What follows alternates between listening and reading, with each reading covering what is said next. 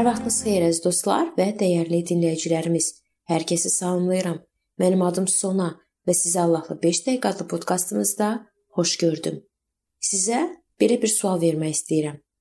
Şükür etmək və ya veriləni təbii qəbul etməliyik. Biz həm ürəklə, həm də ağızla Yaradana həmd edəcəyik. O həm içimizdə, həm də qarşımızda möcüzələr yaradır. Ola bilsin düşünürsünüz ki, çox məşhur bu ilahisində Bu sözlər sülh və inkişaf dövründə yazılıb. Qətiyyən. Bu sözlərin müəllifi Martin Rinkarddır.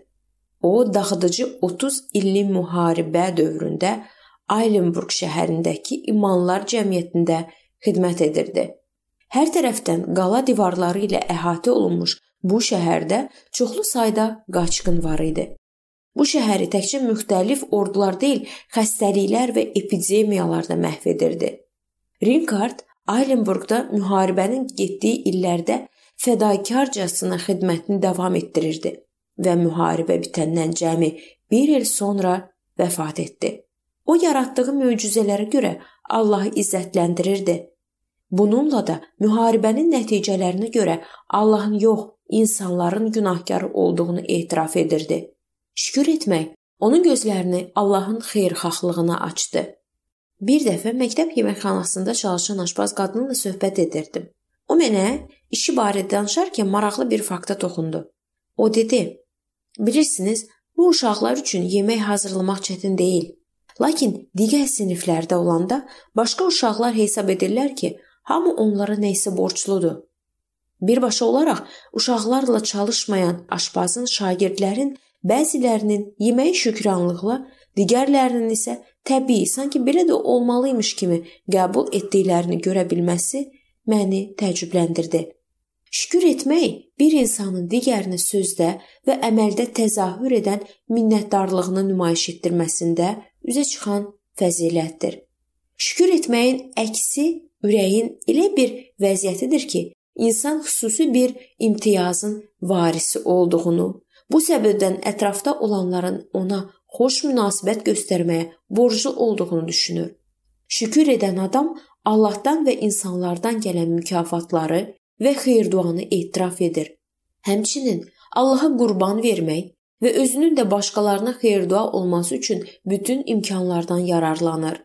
Hər şey sanki belə olmalıymış kimi qəbul edən adamın isə ağlında yalnız başqalarından nə isə qoparmaq, istənilən vəziyyətdə Hətta bu başqalarına zərər vuracağı təqdirdə də fayda götürmək fikri dolaşır. Şükür edən ürəyin mahiyyəti budur. Mən özüm nə verə bilərəm? Hər şeydə maraq güdən adamın ürəyi isə onun əksidir. Mən buradan nə qazana bilərəm? Zəbur 116:12-də yazılıb: Mənə etdiyi cömertliyə görə Rəbbin borcunu necə qaytara bilərəm? Bu sual Allaha şükürlərlə dolu ürəkdən gəlirdi. Daha sonra məzmurçu özü cavab verir. Zəbur 116 13-14-də Qurtuluş piyaləsini qaldıracağam. Rəbbin ismini çağıracağam. Rəbbə onun bütün xalqı qarşısında əhd etdiyim təqdimləri verəcəyəm. Yəni o, Rəbbin əmrlərinə açıq şəkildə riayət etməyi arzu edirdi ki, ətrafda olanlar bunu görsünlər və səmavi atanı izzətləndirsinlər. Daha sonra Təbii ki, növbəti sual yaranır. Qonşularımın mənə qarşı xeyirxahlığına və xoş münasibətinə nə ilə cavab verə bilərəm? Arvadıma necə yaxşılıq edə bilərəm? Ya da ərimə? İcmadakı qardaş və bacılarıma yaxşı əməllərinin əvəzini necə ödəyə bilərəm? Hər gün mənə xidmət edən və ya mənə kömək edən məktəbdəki aşpaza və ya istənilən digər adama etdiklərinin müqabilində nə verə bilərəm? Şükür edən ürəklər əməldə müjdənin qızıl qaydasını tətbiq edir və sir sifətlərini turşudub şikayət etmək əvəzinə gülümsəməyə çalışır. Adamlara xoş üz göstərir. Yolunu azmış oğul haqqında məsəldə gördük ki, kiçik oğul əlindən gələn kömək göstərməklə ailədə yaşamaq istəmədi. Bunun əvəzinə payına düşəni tələb edərək ata evini tərk etdi. Luka 15:12-də yazılıb: Ata, var dövlətindən payına düşəni mənə ver. Görünür ki, o payına düşəni başqalarının xeyrinə necə xərcləyə biləcəyi barədə heç düşünməmişdi. Bunun əvəzinə avara həyat sürərək payını sağa-sola xərclədi. Nəhayət dilənçi kökünə düşdükdən sonra itaətkarcasına atasına müraciət etdi. Ata, mən göyə və sənə qarşı günah etdim. Mən artıq sənin oğlun adlandırmağa layiq deyiləm. Məni öz muzlu işçilərinin biri kimi qəbul et. Böyük qardaş itaətkar idi, lakin o da daha yaxşıya layiq olduğunu düşünürdü. Buna görə də qardaşının səmimi etirafına sevinə bilmədi. O görünür öz əməyini və atası qarşısındakı xidmətlərini yüksək qiymətləndirirdi.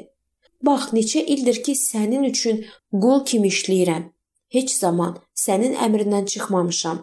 Amma mənə heç vaxt bir oğlağı belə qıymadın ki, dostlarımla şadlıq edim. Luka 15:29. Bu özünü qiymətləndirmə düzgün idimi? Öz əməyinə dürüst və sağlam yanaşma insanda hamının ona borclu olduğunu düşündüyü təkəbbür yox, şükranlıq hissi oyadır. Bu mövzunun davamını biz növbəti görüşümüzdə araşdıracağıq.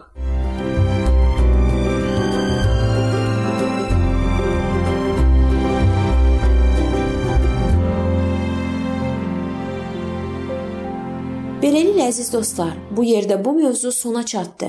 Hər zaman olduğu kimi sizi dəvət edirəm ki, bizim podkastlarımızı Facebook səhifəmizdən və YouTube kanalımızdan dinləməyə davam edəsiniz. İndi isə mən sizinlə sağollaşıram və növbəti görüşlərdə görmək ümidi ilə sağ olun, salamat qalın.